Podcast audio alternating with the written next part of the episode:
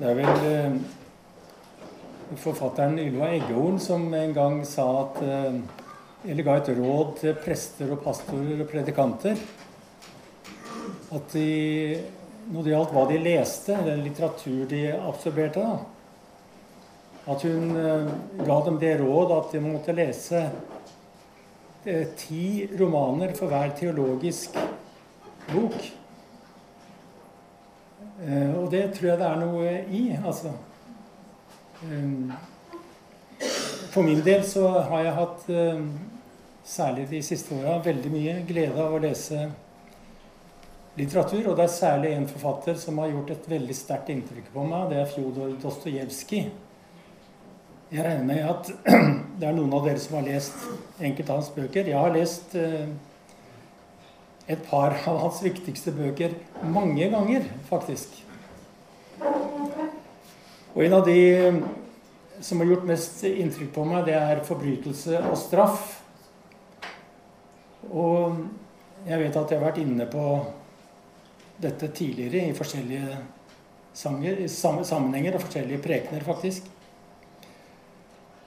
Eh, denne gangen så vil jeg peke på en, en person som eh, Dostojevskij har skrevet om, som har gjort et veldig inntrykk på meg.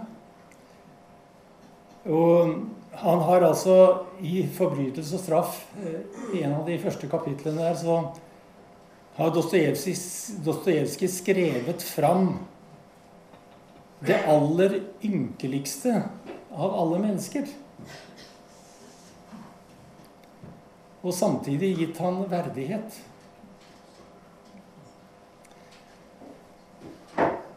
Og for å gjengi noe av det, da, altså for å sette dere inn i det og gi dere del i det, så er scenen her i en av de første kapitlene i 'Forbrytelse og straff' Det er en av de mest snuskete kneipene i St. Petersburg på 1860-tallet en gang. Og forfatteren eh, skriver at det luktet så sterkt av brennevin at det kunne være nok til å gjøre deg beruset på fem minutter. Så da får man et lite inntrykk av hvilken atmosfære det var på det her stedet. Og i denne lugubre kneipa så kommer den unge studenten Raskolnikov i snakk med en alkoholiker, men også familiefar, ved navn Semjon Saharovic Marmeladov. Um, og han står her i denne boka på nesten 800 sider. Han står her av en helt spesiell grunn. Og Dostojevskij har skrevet denne personen inn i boka av en bestemt grunn. Marmeladov er en forhenværende embetsmann som nå har mista jobben og fått sparken pga. alkoholisme. Og her han sitter og prater ved, ved kafébordet eller i denne kneipa med Raskolnikov, så har han de siste fem nettene sovet på en av høyprammene på Nevaen. Det er elva som går gjennom St. Petersburg. Og han bærer preg av å være fullstendig forsoffen. Men eh, Semjon Marmeladov han er ikke et udelt dårlig menneske. Han er sammensatt, sånn som faktisk alle skikkelsene i Dostojevskijs romaner. Marmeladov er ikke en udelt ond og kynisk mann. Eh, han elsker sin familie, men han svikter kapitalt. Fordi han er fornedra, han er tyrannisert, og han er undertrykt av alkoholen. Så Marmeladov er et eksempel på en som har totalt mislykket i livet. Hjemme sitter kona fortvila. Hun har tuberkulose i siste stadium. Pluss fire barn som sitter hjemme uten mat. Og som sulter. Hans eldste datter Sonja, som er 17 år, hun må prostituere seg for at familien ikke skal sulte i hjel. Marmeladov har altså en datter med gult pass. Som de prostituerte måtte ha på den tiden i St. Petersburg. Og han, han tar hennes penger for å drikke dem opp.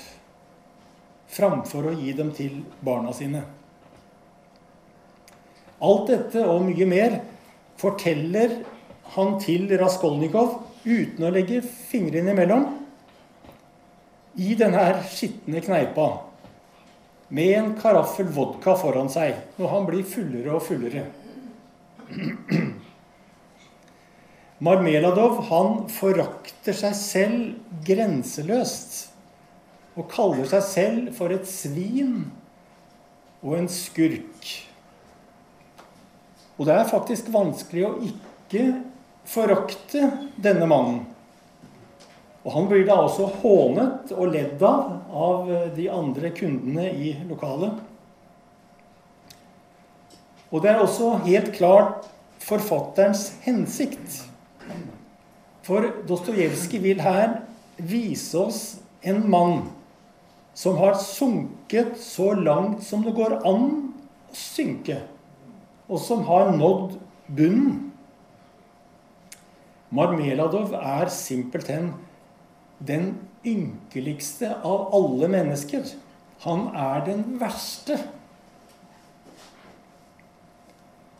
Og det underlige er at denne mannen, som blir sett ned på av alle, og som forakter seg sjøl grenseløst, han har en forbløffende tillit til at Jesus har medlidenhet med ham.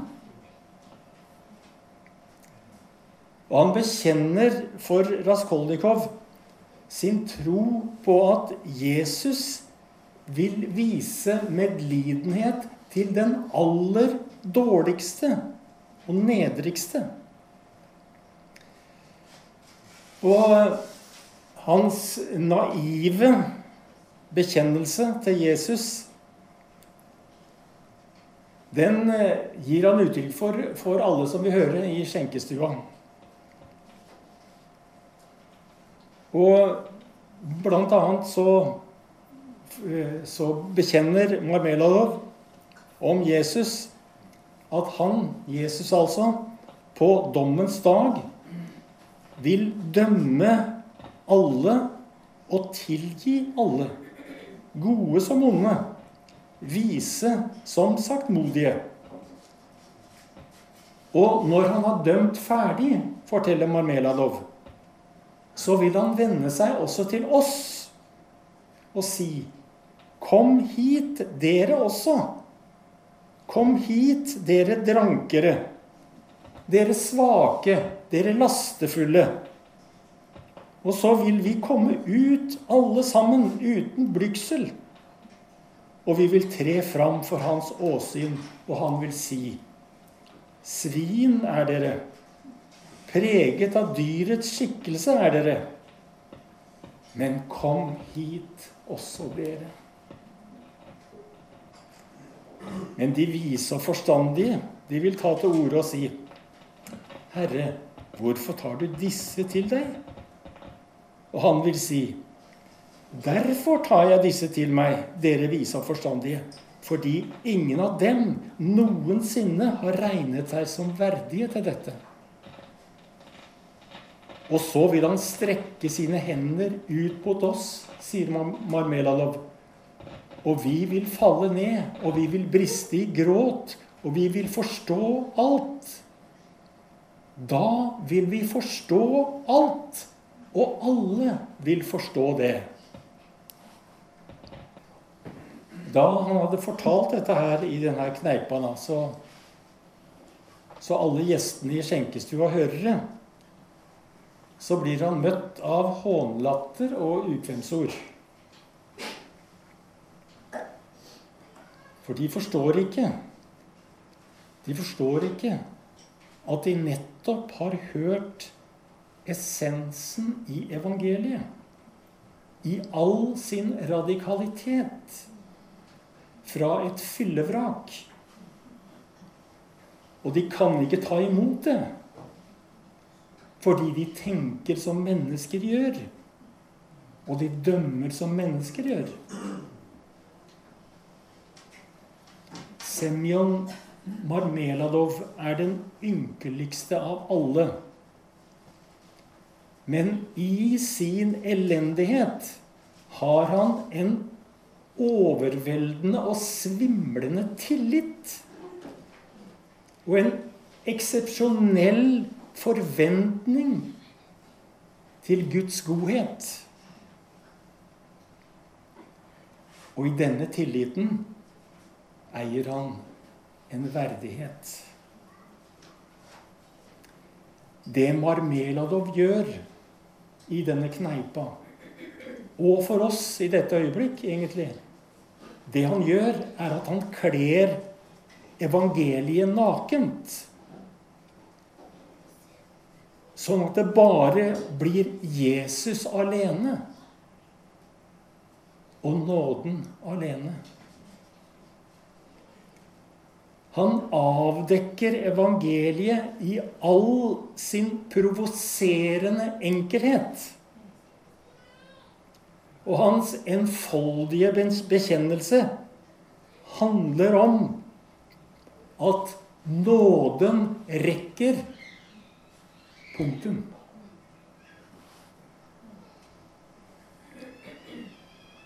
Og jeg tror at denne dristige forventningen og tilliten beveger Guds hjerte. La oss nå flytte blikket for et øyeblikk til Lukasevangeliet, det første kapittel. Og kontrasten, folkens, det kan på en måte ikke være større. Allikevel så fins det en parallell. For her i Lukas 1 så finner vi den unge kvinnen Maria.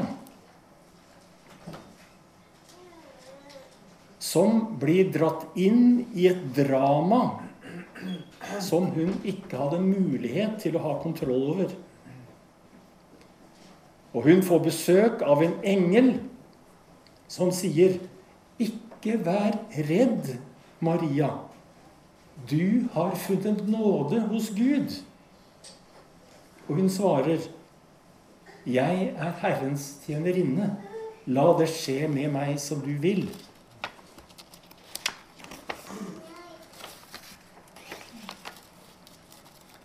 Og det som er sammenfallende med, med den fordrukne Marmeladov Kan du se det, forresten? Kan du se hva det er som de har felles, de to? Hva som er sammenfallende mellom Marmeladov og den uskyldige Maria? Svaret er at det er den bemerkelsesverdige tilliten de har til Gud, til Jesu nåde, og den overlatelsen de har til ham. På en måte så er de så ulike som det går an.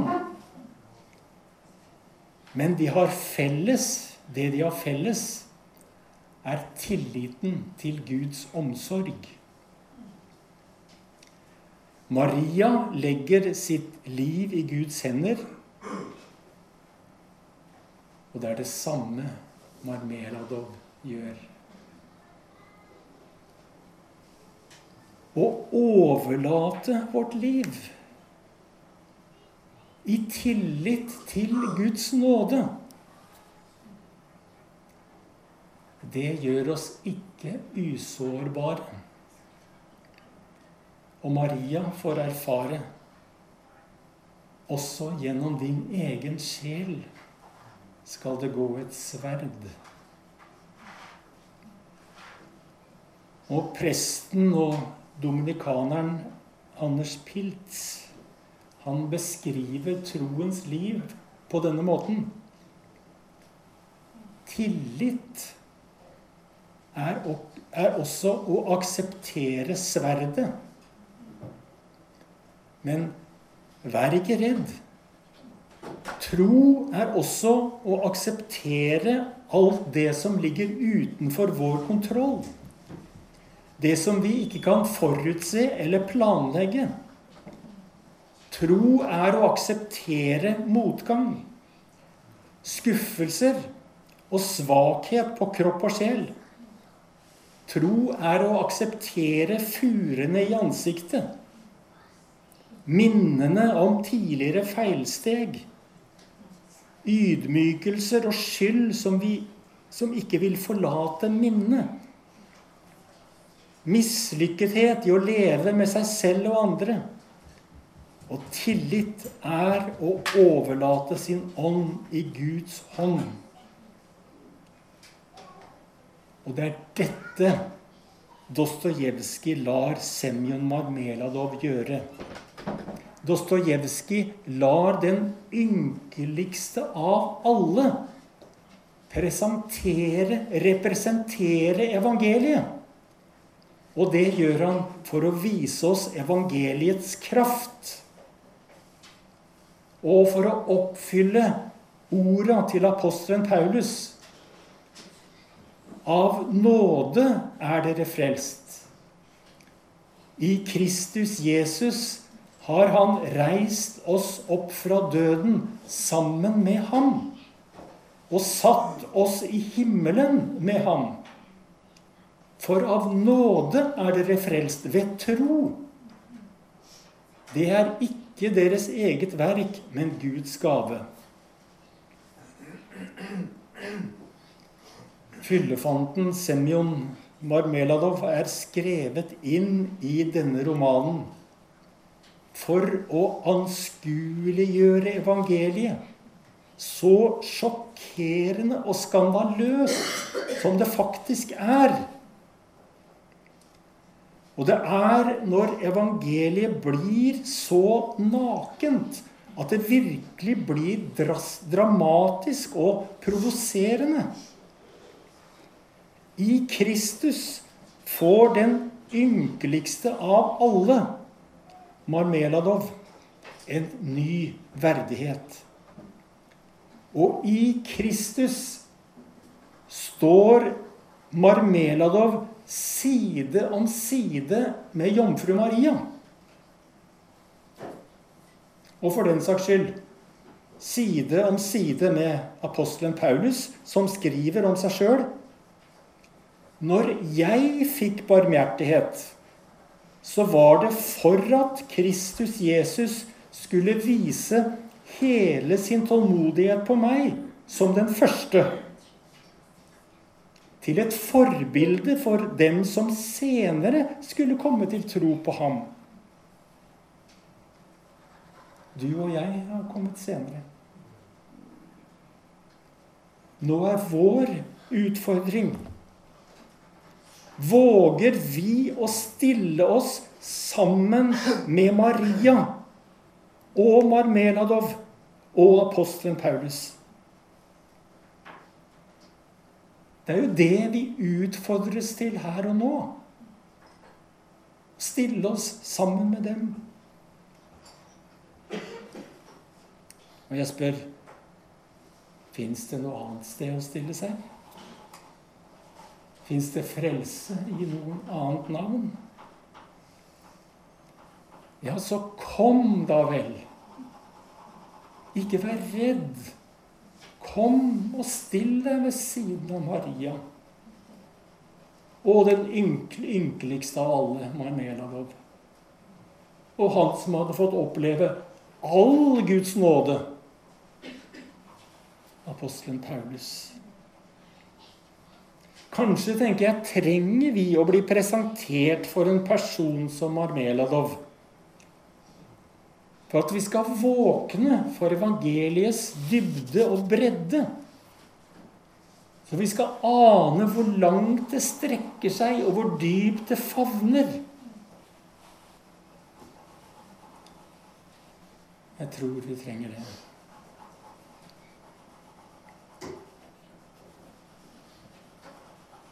Og jeg skal avslutte med den bønn som Paulus har latt etter seg ifra Efeser brevet det tredje kapittel, fra det 18. til det 21. vers.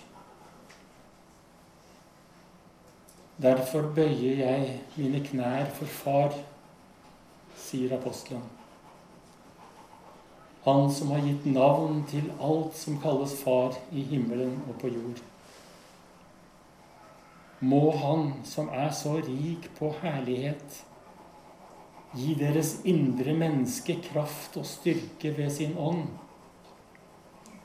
Må Kristus ved troen bo i deres hjerter, så dere kan stå rotfestet og grunnfestet i kjærlighet må dere sammen med alle de hellige bli i stand til å fatte bredden, lengden, høyden og dybden. Ja, kjenne Kristi kjærlighet som overgår all kunnskap. Må dere bli fylt av hele Guds fylde, Han som virker i oss med sin kraft og som kan gjøre uendelig mye mer enn det vi ber om og forstår. Han være ære i Kirken og i Kristus Jesus gjennom alle slekter og evigheter. Amen.